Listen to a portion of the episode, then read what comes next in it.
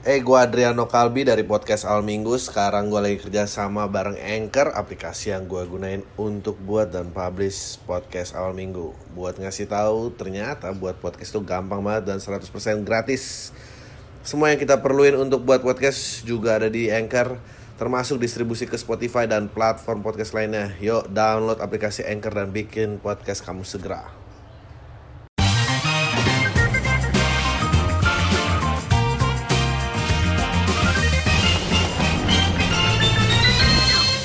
Halo semua lagi dengerin podcast awal minggu bareng gue Adreno Kalbi. Gue nggak tahu kapan ini tayangnya tapi yang pasti uh, ini syuting lagi pokoknya bulan puasa lah hari-hari ke-12 kali ya. Uh, gue nggak tahu nanti kasus ini gimana tapi buat gue ini keren banget sih orang ini. Orang ini nggak keren sih, orang ini gila menurut gue si Joseph Paul Zhang. Uh, jadi dia ngaku nabi ke-26 dari sekian banyak bulan bisa ngadu nabi, ngaku sebagai nabi, dia ngaku di bulan Ramadan. Nah, udah otomatis dong semua orang jadi langsung rame. Ya, berita gue nggak tahu gimana. Semoga gue nggak tahu sih gue harus gimana. Gue gue bingung dia mesti diciduk apa nggak diciduk karena karena menurut gue gue nggak tahu ya menurut gue sih membutuhkan membutuhkan hal lebih untuk menistakan. Ngerti gak sih? Nggak ya. Ada orang gila ya ada orang gila aja. Orang gila bebas gitu. Orang gila nggak dia nggak boleh nganggap penistaan penistaan tuh penistaan tuh gimana ya?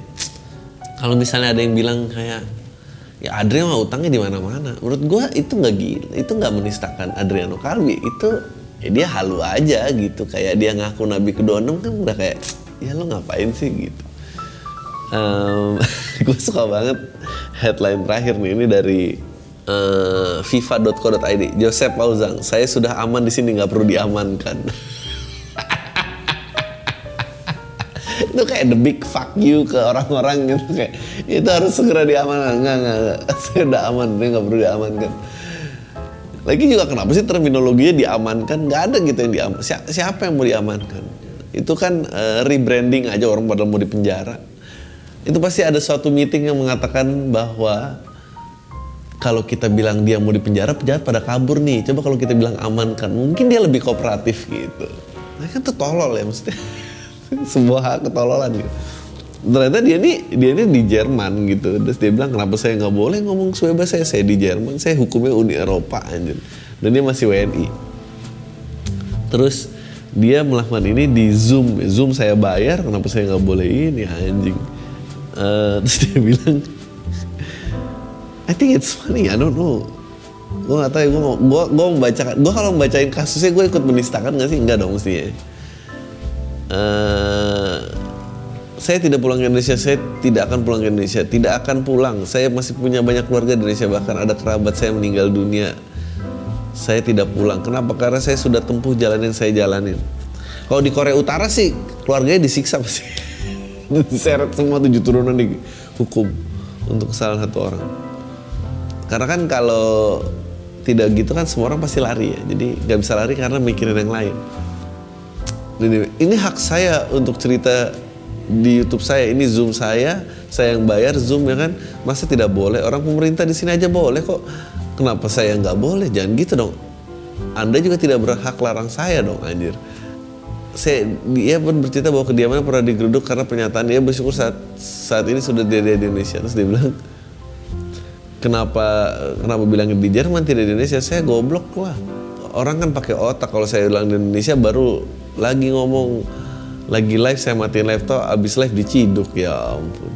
Dia mengutarakan dirinya uh, tidak akan ditangkap. Jadi saya meminta aparat pasti tidak perlu repot-repot untuk mengamankan dirinya karena dia sudah merasa Jerman aman. Ya ampun dia bilang nih ada lagi nih. Oh. uh, bulan paling tidak nyaman itu uh, datang dari dulu bulan puasa. Itu adalah bulan paling tidak nyaman. Apalagi kalau sudah dekat hari raya lebaran idul fitri. Dum dum breng sarimin pergi ke pasar. Itu udah paling mengerikan horor banget. Ya ampun. Menurut gua tuh yang lebih menistakan tuh medianya tau nggak? Medianya yang menyebarkan si perkataan Pauzang ini, tapi media nggak akan diperkusi karena media akan bilang ya jangan don't shoot the messenger dong. Justru yang perlu di stop itu kan aliran informasi. Ya gue nggak tahu ya gue jadi bersalah apa juga apa enggak. Tapi kalau kayak gini oke okay, terus bagaimana caranya bahwa sama sama aja kayak ini kita kita ganti kasusnya. Sama aja kayak uh, kalau lu punya video bokep buat pribadi lo terus itu kesebar. Yang salah yang bikin video bokep apa yang nyebarin gitu. Tapi ntar pasti ada hukum ada hukum yang menyatakan kelalaian uh, menyimpan uh, kelalaian menyimpan barang atau apa gitu. Kelalaian menyimpan barang berbahaya atau apa gitu gue ngerti. Menurut gue pembuatnya nggak salah sih. Kayak gue bukan belain orang ini. Orang ini gue nggak tahu di YouTube apa enggak menurut gue nih kayak orang ini cuma berani sama anjing yang diikat aja gitu. Maksudnya kayak uh, digonggong-gonggongin gitu dia nggak akan berani. Coba kalau anjingnya dilepas dia nggak akan berani. Terus dia yang berani melaporkan polisi akan diberi hadiah berupa uang. Yang bisa ngelaporin nih penistaan agama nih gue nabi kedua enam Joseph Paul Zhang. Meluruskan kesesatan ajaran nabi kedua lima kecabulan yang maha cabulullah gue uh, tapi ini juga jangan sampai konten yang ini ya gue dijadiin ikon promosi di Emily anjing lah ternyata 15 detik Emily ini kelurusan cabul yang cabul loh. Tonton di Emily anjing digerebek gue jangan. Jadi ini ini juga harus hati-hati. Tapi gue pengen membahas kayak don't shoot the messenger. Ada pri pribahasa itu kan don't shoot the messenger. Gue cuma bilangin kejadiannya tempat lain. Tapi tapi tapi enggak sih. Maksudnya tapi menurut gue ya yang nyebarin juga salah sih. Media ini salah. Gue pengen ngebahas kesalahan media ini. Gue nggak pengen nyebarin message si Joseph Paul karena gue yakin dia kecilnya nggak punya temen pasti. Dia gak punya temen nggak ada yang bilangin kayak aduh nak kamu tuh ngapain sih? Kayak gini bapak ibu ini masih di Indonesia. Um, kenapa? Tapi kita nggak bisa konsisten ya? Nggak dia juga salah dong. Karena message-nya berbahaya. Tapi kita nggak melakukan hal yang sama dalam uh, orang yang nyimpen bokep apa bedanya gitu? Menistakan agama sama asusila. Nggak ada bedanya kan? Jadi asusila boleh tapi menistakan agama tidak. Gimana sih? Paham kan lo maksud gue mestinya kita konsisten dong. Kalau uh, tidak bol kalau tidak boleh menistakan agama ya berarti asusila juga nggak boleh tapi kan progresif kan mau berdebat bahwa ya enggak itu salah yang nyebar. Karena ini koleksi pribadi oke. Okay jadi equivalent jadi kalau orang nulis-nulis di tembok rumahnya nggak dia sebar itu dia boleh dong ya. Kayak saya nabi ke 27 terpas mati baru kesebar baru uh, dia, oh ada tembok rumahnya kayak gitu ternyata. Tapi ini orang ini gini gue penasaran how this would play out. Gue penasaran apa yang akan dilakukan oleh aparat. Karena menurut gue kasus itu menarik apalagi medianya kayak sekarang ya. Kalau yang diburu tuh punya nilai jual gitu. Kalau nggak punya nilai jual ya ngapain gitu. Uh, coki parde waktu gua kena sama itu gua di tengah-tengah nggak ada yang gini si Tretan nama itu doang berdua. Meskipun menyeramkan sih. Tapi gue yakin mereka lebih tinggi nilai jualnya daripada si Joseph Paul Zhang ini. JPZ si JPZ ini disingkat lagi biar akrab. Uh, kenapa dia? Dia dendam apa? Ini yang keren adalah kalau ternyata ada dokumenternya dia dendam karena dulu naksir cewek beda ras tapi dilarang orang tuanya. Anjing berarti sama aja. Semua kemarahan itu awalnya putus cinta bangsat. Nggak ada bagus-bagusnya.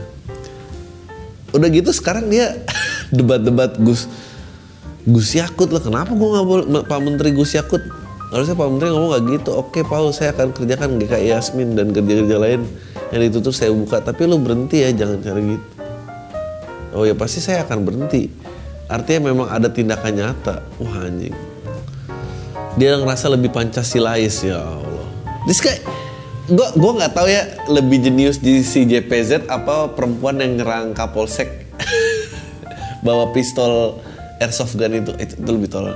Menurut gua dia pinter loh. Dia pinter dia can get the message across tanpa ada yang mungkin nembak dia gitu. Kalau yang satu lagi kan ya Allah udah beli airsoft gun online.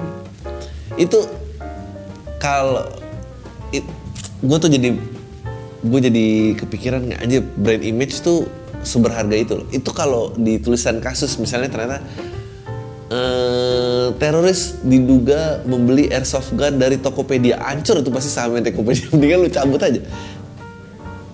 Dia pasti harus tulis eh, di online gitu. Padahal tuh ada ininya si biasanya kalau abis kayak gini ntar penjualan airsoft gun naik. Seperti yang dibeli teroris aja. Dia dia serangannya nggak berhasil sih. Kalau dia serangannya berhasil ya itu naik tuh pasti uh, airsoft gunnya di toko-toko. Gue tuh selalu curiga tuh toko-toko airsoft gun di mall tuh pasti money laundering siapa yang ke sini? Gue nggak pernah lihat ada orang masuk masuk pakai baju biasa keluar dia pakai kevlar sama kemo gitu nggak pernah gue lihat sekalipun ada orang belanja di situ itu money laundering semua tuh dia gua kemarin nonton trailer Zangzi, Zangzi ya, yang Marvel itu yang baru. Ada yang jual baju kokonya di Tokopedia bangsat. Baju koko Zangzi, ya Allah. Cepet banget emang Indonesia, tinggal masalah ini doang nih, airsoft gun. Gua udah geser ke mana-mana. Uh, saya bisa dihubungin, uh, saya nggak DPO, saya tidak sulit ada masalah apa. Ada didik rakyat Indonesia untuk percaya kepada hoax karena buah dari agama hoax. Agama yang melahirkan dari hoax waduh. Agak ini ya agak mirip seseorang di sini juga. Uh, coba sila pertama pancasila bunyi apa? Bukan agama tuh bertuhan. Kita udah berapa kali pancasila? Ya ampun ya bener juga sih. Orang ini banyak banyak poin benernya. Ini ini gue yakin ya banyak orang tua orang tua yang punya anak ABG yang anaknya mungkin disuruh gereja atau disuruh sholat nggak mau. Terus dia bilang JPZ nggak apa-apa bilang gitu. Influence influence tuh jadi di mana-mana ya. Gue tuh dulu inget banget tuh uh, main sama orang komplek ya dia cukup remaja lah untuk ukuran gue waktu itu yang masih anak-anak. Terus dia udah mulai nggak mau taraweh tuh dan ngerokok nggak mau sholat. Dan orang tua gue marah udah jangan main sama yang itu gitu gitu nah sekarang orang itu hadir dalam sosok JPZ ini.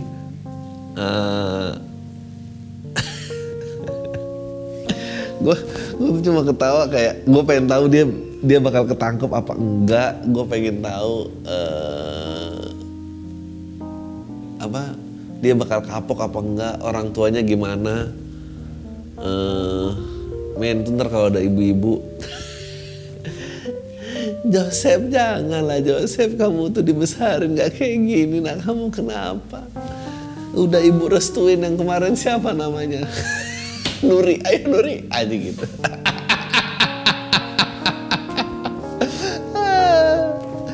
Kenapa nah PGI bacain ayat tapi udah kelepak kelepak kau emang harus terus pak gue kalau gue itu bukan PGI emang gue pikirin aja saya mau jadi nabi mau jadi pendeta suka suka saya. Emang siapa yang larang? Makanya kalau saya pendeta aja ini nggak ada yang pasti ini juga nggak ada yang mau ngaku dia sekolahnya di mana nggak ada yang mau ngakuin bahwa dia temennya. Tapi gila banget loh gue kira kasus ini nggak akan hilang. Gue kira waktu itu kayak timbul antar lagi juga hilang lah nih orang gila gini dong ternyata dia gini. Men yang keren kalau ternyata dia tuh nggak di Jerman. Dia cuma di Indonesia pakai VPN ya VPN ada kegunaan lain daripada nonton bokep kan. Dia bisa nipu lokasi ada di mana.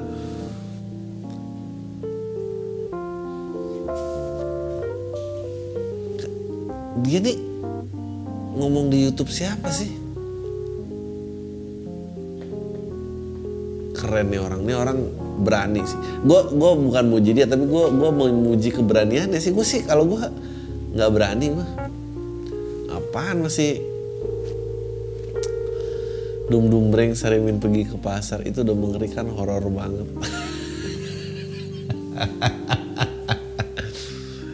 Ya Allah. Kemudian teman-teman Fauzan hanya tertawa dan tidak mau ikutan karena takut dilapor ke polisi atas dugaan agama. Namun Fauzan mengaku sudah buat sayembara. Enggak, terus teman-temannya berani nih kalau gue sih juga nggak berani sih terlibat.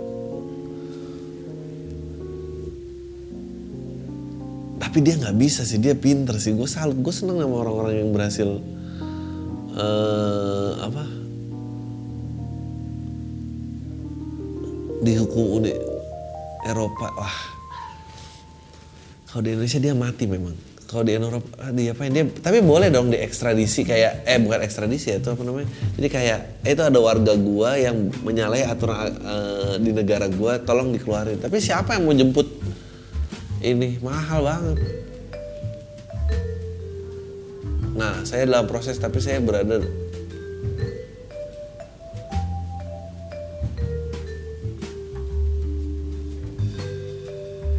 Tapi dia berani banget loh, dia lagi katanya proses pindah warga negara.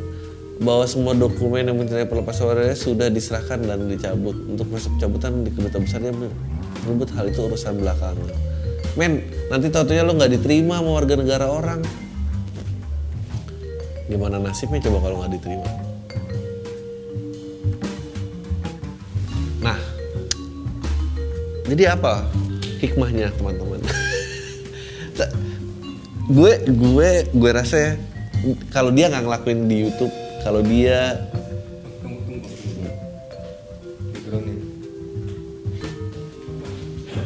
mati.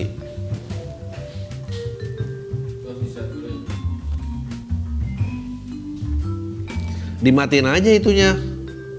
Udah berapa menit sih? 17. ya Allah. Mau banget lapar puasanya anjing Thank you.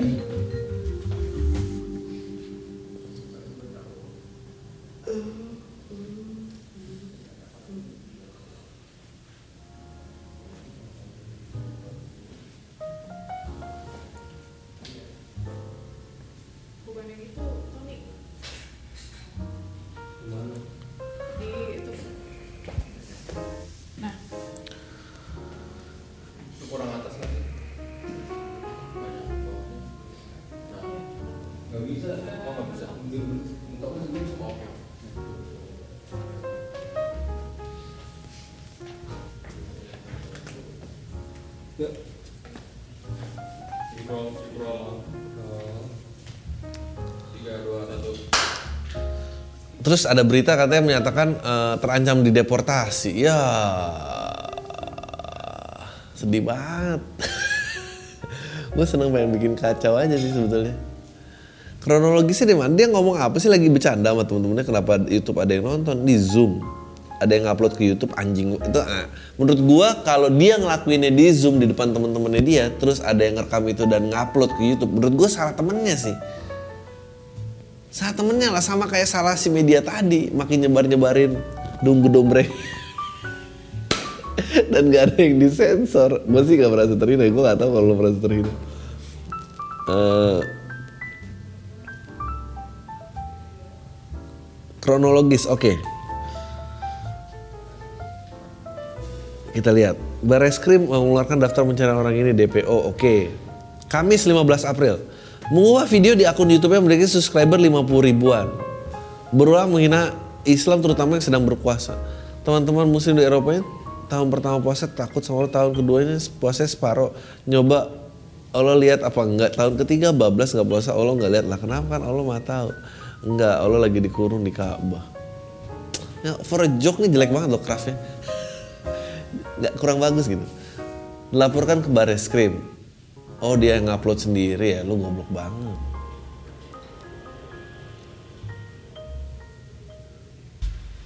Meninggalkan Indonesia sejak 11 Januari 2018 dia imigrasi diduga berada di antara Jerman dan Hong Kong. Berkoordinasi dengan Interpol untuk mencari berkoordinasi. Wow hebat juga ya.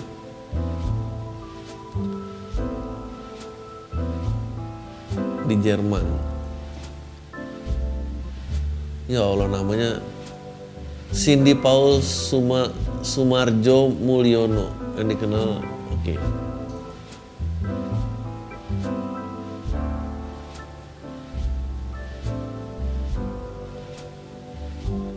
Oke, ini ditentukan oleh apa? Dijerat pasal 28. Oke, penistaan agama ya terserah. Oke. Eh. Aduh.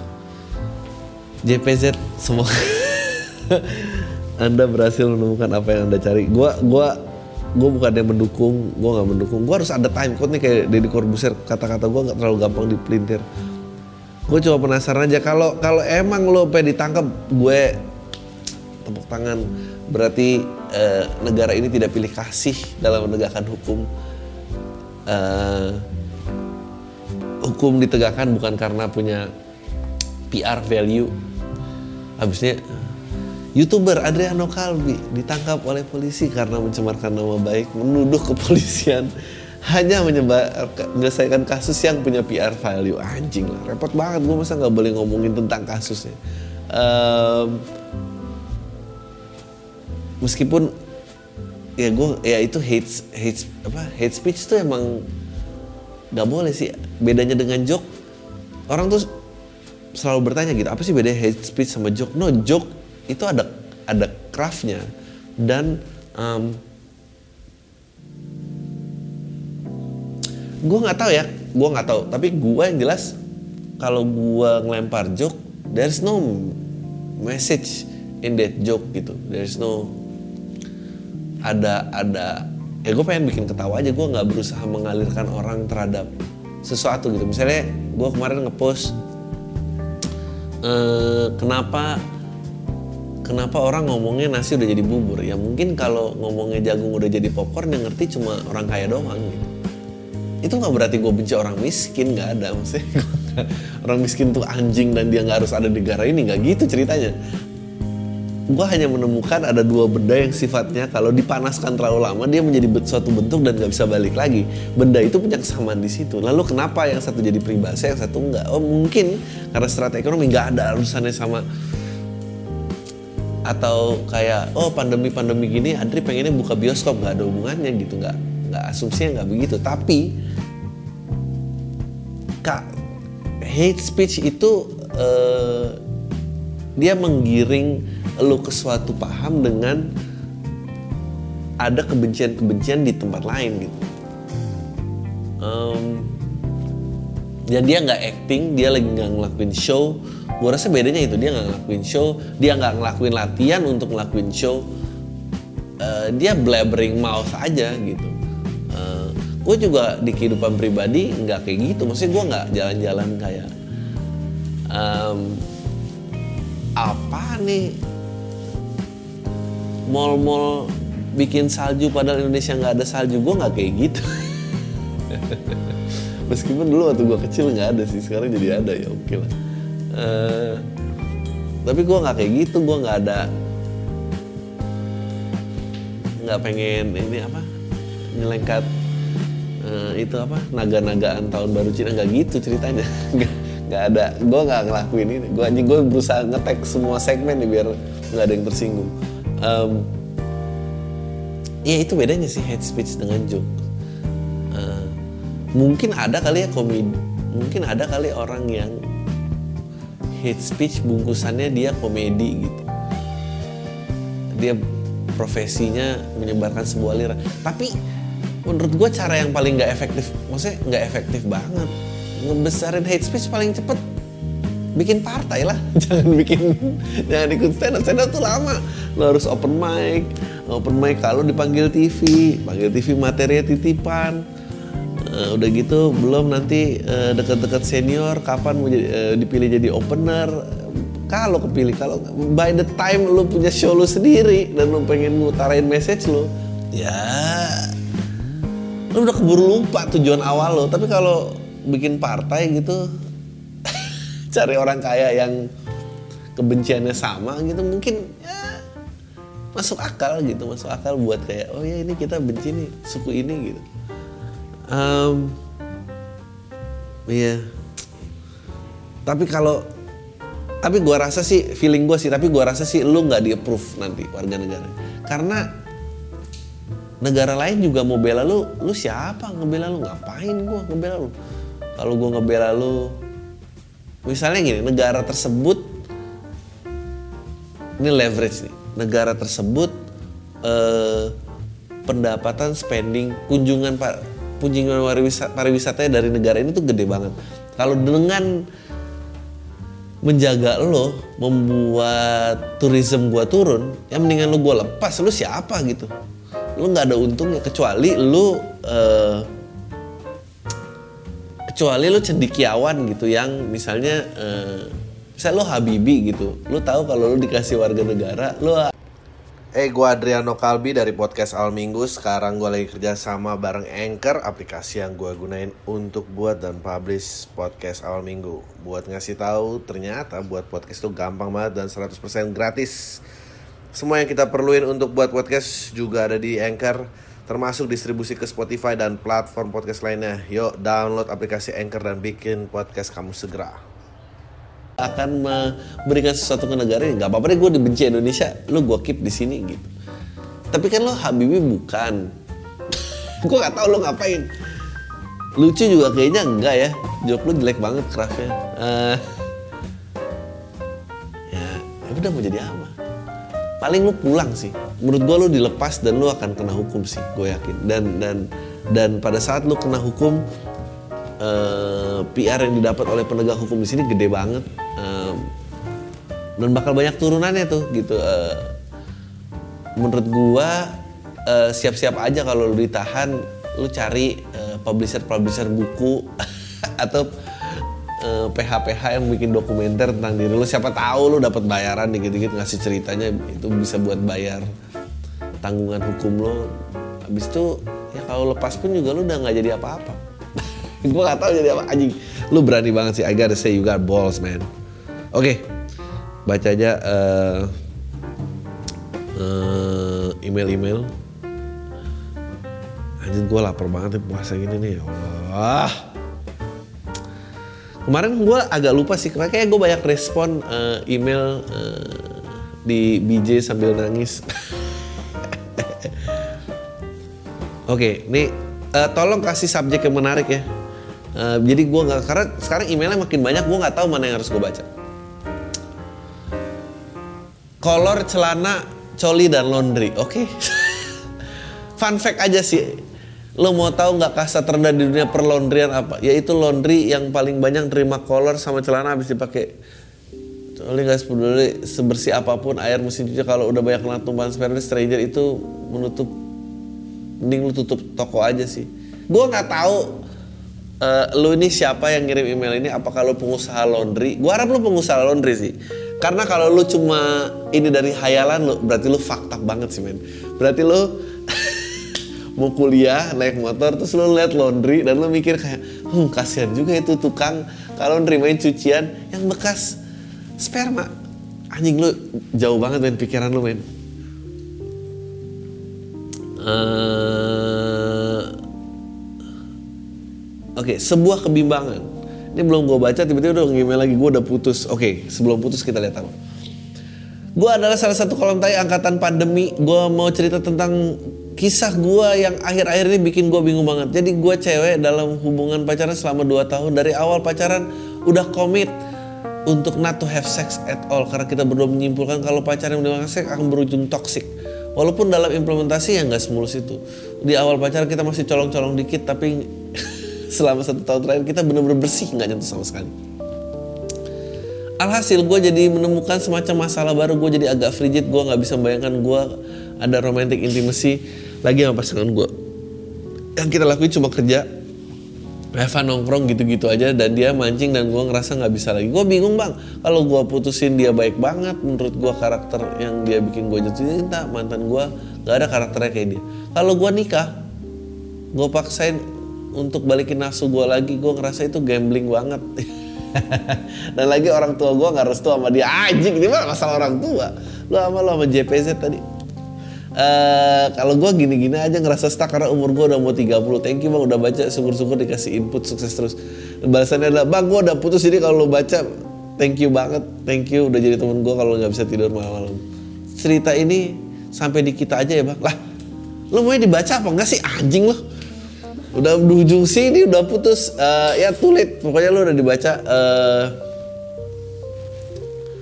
menurut gua lu tuh nggak mau sama dia karena nggak direstuin sama orang tua lo. Kalau emang dia segitu baiknya dan lo ini, ya walah, segala frigid lah lu pikirin. Nggak ada men frigid frigid. Ya mungkin ada kali ya frigid.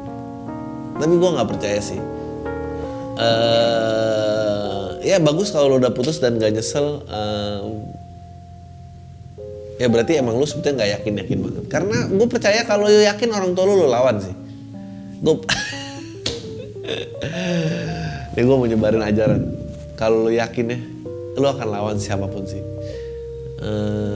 gue sih percaya ceritanya kayaknya Malin Kundang nggak segitunya. Malin Kundang pengen punya kehidupan sendiri aja. Tapi ibunya yang nggak terima. Habis itu kita dengar cerita versi ibunya. Mungkin kalau ditanya tetangganya, enggak Malin Kundang baik gitu. Maksudnya lu nggak pernah tahu gitu. Eh, ya karena buat gua mendingan lu nyesel karena pilihan lu sendiri sih daripada lu nyesel karena pilihan orang. Lu nyesel karena pilihan orang itu tuh lu pengennya nyala-nyalain orang itu sedangkan sedangkan lu tuh pilotnya kehidupan lu sendiri. Jadi kalau lu nggak merasain kontrol akan hidup lu, lu seumur hidup hanya akan merasakan bahwa hidup lu tidak ada kesempatannya. Padahal ada kesempatannya.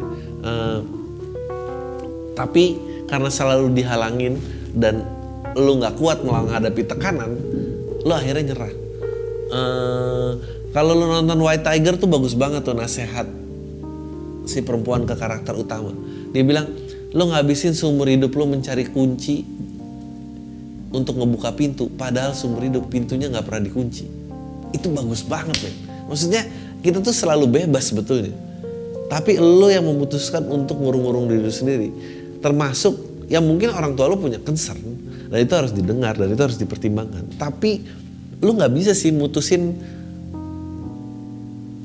ya karena dia doang gitu. Lu kayak ya habis kekunci kenapa kekunci? Karena orang tua ngomong gitu padahal pintunya nggak kayak gitu matanya pintunya nggak kunci. Lu seumur hidup berusaha nyari kuncinya padahal pintunya selalu kebuka itu. Bagus banget. Oke. Halo bang bikin anonimus ya semoga sehat. Dengerin podcastnya dari awal pandemi sambari gue ngegambar. Kebetulan gue full time ilustrator di mana gue mana gue orang yang jarang keluar rumah. Dan gue baru dapat pacar setelah tiga tahun ngejomblo bang gitu. Gue anaknya belum pernah check-in bareng pacar atau nginep gitu. Tapi suatu ketika gue ajak dia untuk check-in tapi dengan modal nekat bang.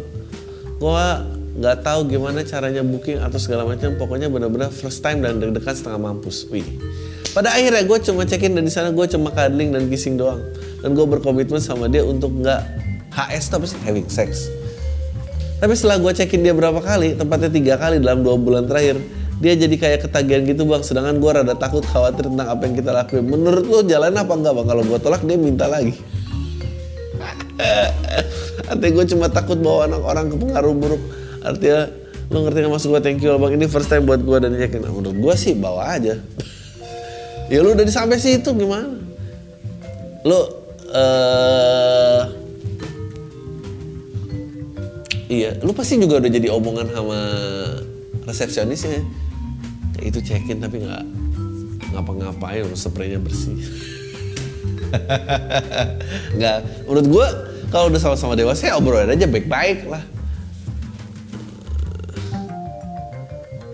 Gua nggak tahu nih email tanggal berapa, mungkin belum puasa kali ya makanya masih check-in. Eh, tapi kan sekarang puasa mungkin lu dengan puasa jadi lu nggak check-in. Anjing gua ngomong apa sih? Tersinggung dikatain bencong, oke lah. Hai Adreno Iksan kali Bapak podcast Indo Grosir. Sebut aja aku Eceng Gondok. Ini emang yang, berarti yang email gue emang bencong, oke. Jadi gini, aku cowok 28 tahun karyawan bank swasta terbesar di Indonesia. Banyak yang bilang aku ngondek, tapi menurutku enggak sih. Ya dengan memperkenalkan diri lo Eceng Gondok menurut gue Menurut gue Cuma gaya bicara mirip cewek karena aku dan empat kakak semua cewek dibesarin sama ibu sendirian. Gini bang, ngondek ternyata bikin aku mudah diterima di pertemanan cewek. Anjing, ngondek-ngondek yang menyamar ya? Parah banget ini. Aku senang bisa sampai tukar cerita ke mereka, terutama pembicaraan yang deep dan dan tabu tanpa canggung. Oke. Suatu ketika aku dipercaya jadi pelatih renang plus yoga sama teman-teman. Waduh, Kebetulan aku punya lisensi kategori ABCD dan PRSI dan pas nganggur pernah jadi relawan SAR daerah. Anjing, lu berprestasi banget sih karyawan bank terbesar. Punya lisensi kategori terus PS PRSI pas nganggur aja lu jadi relawan SAR wow.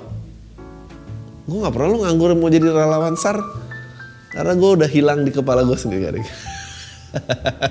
tapi dari sini kekacauan bermula. Ya iyalah di antara semua peserta ada AP yang paling rajin saat semua udah mulai mereteli malas ikut olahraga AP masih semangat.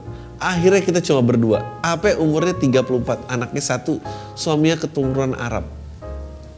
Gue nggak tahu sih apa hubungannya eh, rasnya suaminya dalam cerita ini. Oke. Apa yang paling sopan dan pendiam di antara yang lain khas cewek Jawa. Eh, oke eh, suatu hari entah mulainya kapan apa jadi sering makin ngerasa deket deket banget. Puncaknya dia tiba-tiba megang barang aku pas lagi renang. Hah? Katanya sih bercanda tapi malamnya pas udah di rumah masing-masing dibahas dong lewat chat. Setelah itu dia makin jadi lanjut flirting flirting gitu. Gue belum gue belum tahu hubungannya Arab di mana tapi gue jadi takut bang sampai mulai dikit-dikit menjauh dan gak curhat-curhat lagi sama dia. Tapi si apa ini sadar dan kayak rasa bersalah gitu. Dan aku yang gak enakan jadi batal ngejauh dong.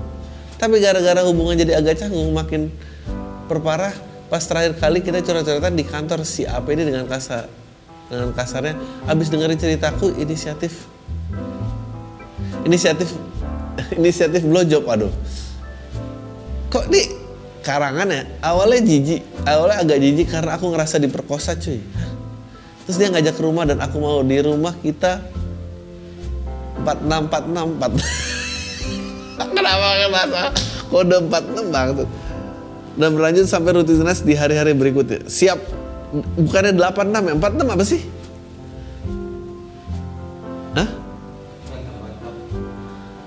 46 mantap ya bukannya siap 86 ah, you know what lu cerita sama orang tua sih jadi gue bahkan gak tau ya oke okay.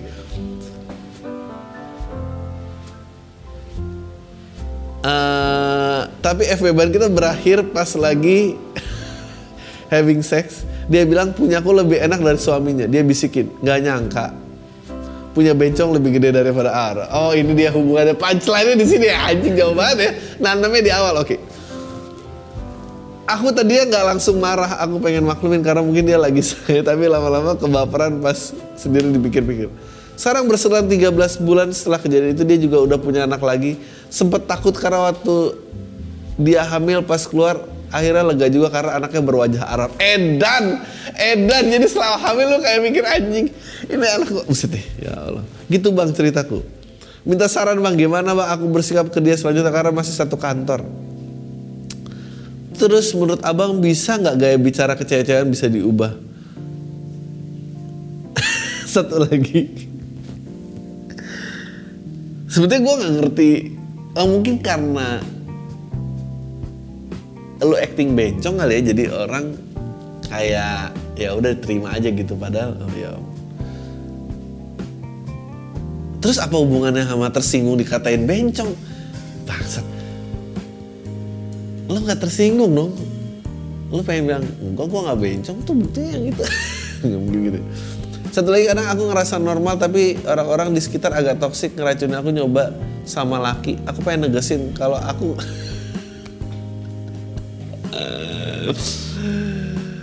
ngaceng sama cewek gue gue mau nyebut aja susah tapi takut karena katanya bencong atau kamu gampang tersinggung dan pendendam. Gimana cara ngomongnya ya lu kasih tahu aja lu pernah.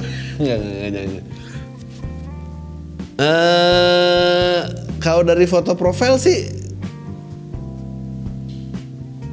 men gue sih jujur aja ya gue nggak tahu sih. Gue sih nggak pernah kepikiran foto kancing kebuka sedada gitu terus lu fotonya tiduran sambil tangannya gini. Gue sih nggak pernah kepikiran.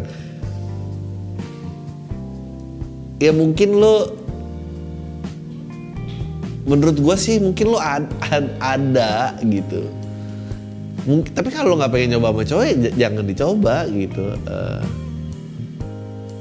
mestinya menurut gue lo tuh tersinggung karena mungkin ada benernya.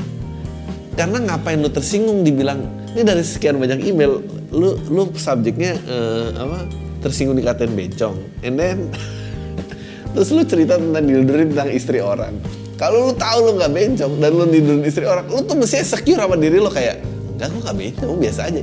Ya mungkin gue gemulai karena kakak-kakak gue perempuan dan gue cuma dibesarin ibu tapi berakhir di situ. Em, terus ada orang-orang sekitar bilang suruh nyobain sama laki. Ya kalau lu nggak gay kenapa lu marah ya kan lu udah membuktikan juga lu gay di cerita ini. Apa sebetulnya inti email, email ini nih cuma yang bawah ini ya, yang cerita lu tidur sama istri orang Arab itu. Nggak nyangka juga punya bencong lebih gede punya Arab.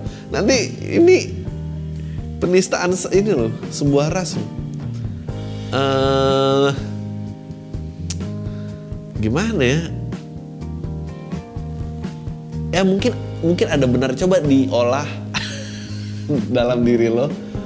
Lo ada di mana? Tapi menurut gua kalau lo nggak pengen juga ya udah. Maksudnya you can be gay dan nggak sama cowok I, I guess I don't know. Padahal lo cukup laki maksudnya jadi relawan tim SAR tuh menurut gua laki banget loh. Gue sih nggak pernah lihat orang yang lebih laki daripada itu ya. Tim SAR tuh gua kebayang lompat dari konter ayo mas naik. Kita cek cek cek gitu. All the macho shit. Terus kenapa lo masih marah mungkin ya ya ya ada benernya kali. Tim SAR turun dari tali posnya gini juga. Lu pasti kirim-kirim foto pakai tapi gua rasa kalau lu gay sih pasti lu punya banyak fantasy yang bisa diwujudin ya. Kayak pakai seragam tim SAR buat ngirimin phone sex chat sex gitu. Kayak kancingnya dibuka pakai baret. Anjing lah.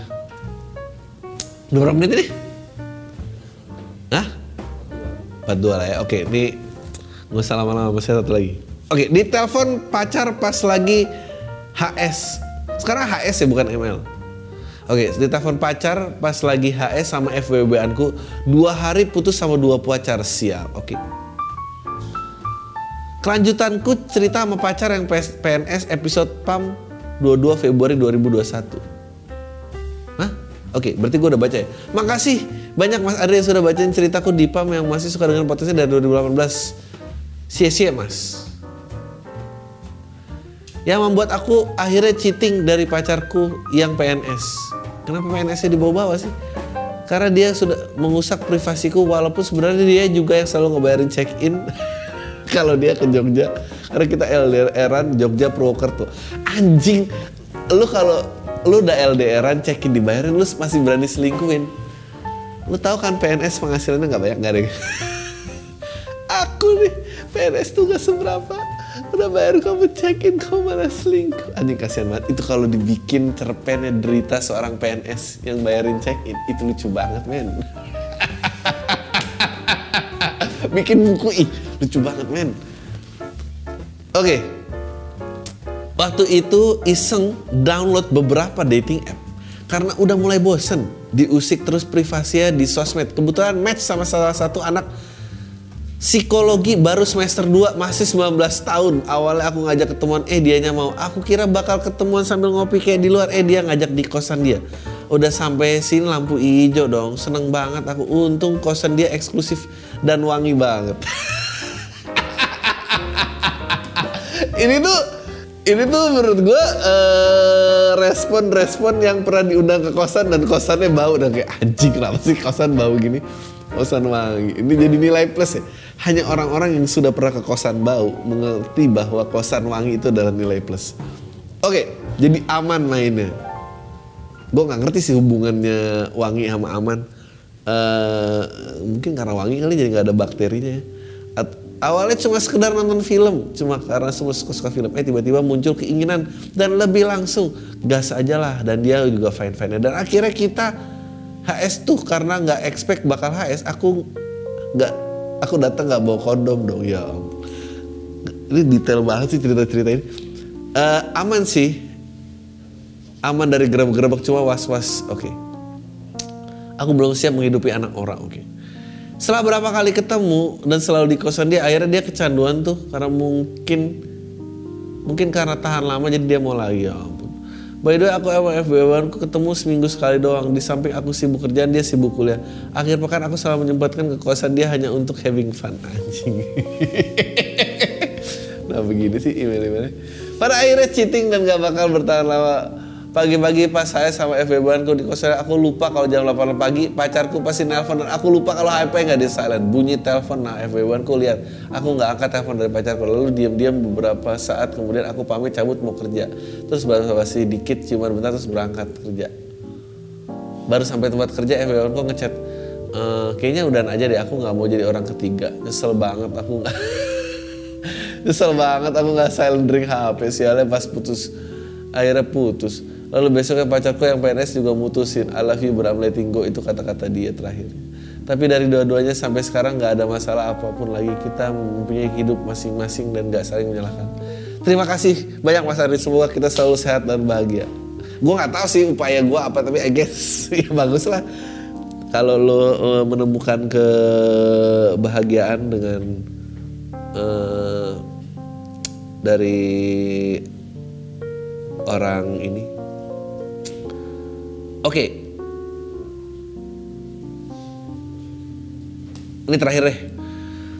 Assalamualaikum bang. Tadi baru li Waalaikumsalam. Tadi baru lihat berita perselingkuhan pejabat negara yang dilaporin di Polda Metro Jaya sama suaminya. Menurutmu perselingkuhan layak nggak kalau sampai di penjara bang?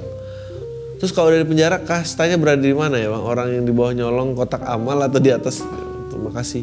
Pendapat saya hukum pidana mengenai perselingkuhan. Eh, ya karena pernikahan itu adalah ikatan yang dikenali oleh negara dan hukum, dia dia bisa terkena pidana. Apalagi itu deliknya delik aduan, jadi udah ada yang mengadukan, dia bisa bisa kena. Eh, ya udah sih bisa kena aja sih. Oke, terakhir nih. This loneliness is killing me. Oke. Halo, Bang gue 24 tahun dan sekarang banyak hal yang gue pikirin. Kerjaan gue gini-gini aja udah 2 tahun di company yang sama dan niat mau cabut dan masih belum berubah dari ratusan job yang gue apply belum ada satupun yang nyangkut. Gue bikin bisnis kecil-kecilan dari awal covid sampai sekarang yang belum tahu arahnya ke mana antara mau diterusin apa enggak. Tiga, hampir setahun putus sama mantan gue belum nemu orang yang pas sebelumnya pernah deket sama orang lima bulan dan hilang gitu aja. Gue pusing karena menurut gue poin satu sama tiga adalah hal yang gue pikirin gue sekarang tapi poin nomor satu susah banget. Rekrutmen nomor tiga setelah hilang dari gebetan gue, gue sign up dating app tapi nggak tahu belum ada yang pas. Saya menurut lu gimana gue menghadapi ini? Nggak ada lo nggak harus ke mana-mana eh, jalanin aja. Udah itu aja dari gue tai lu semua. Deh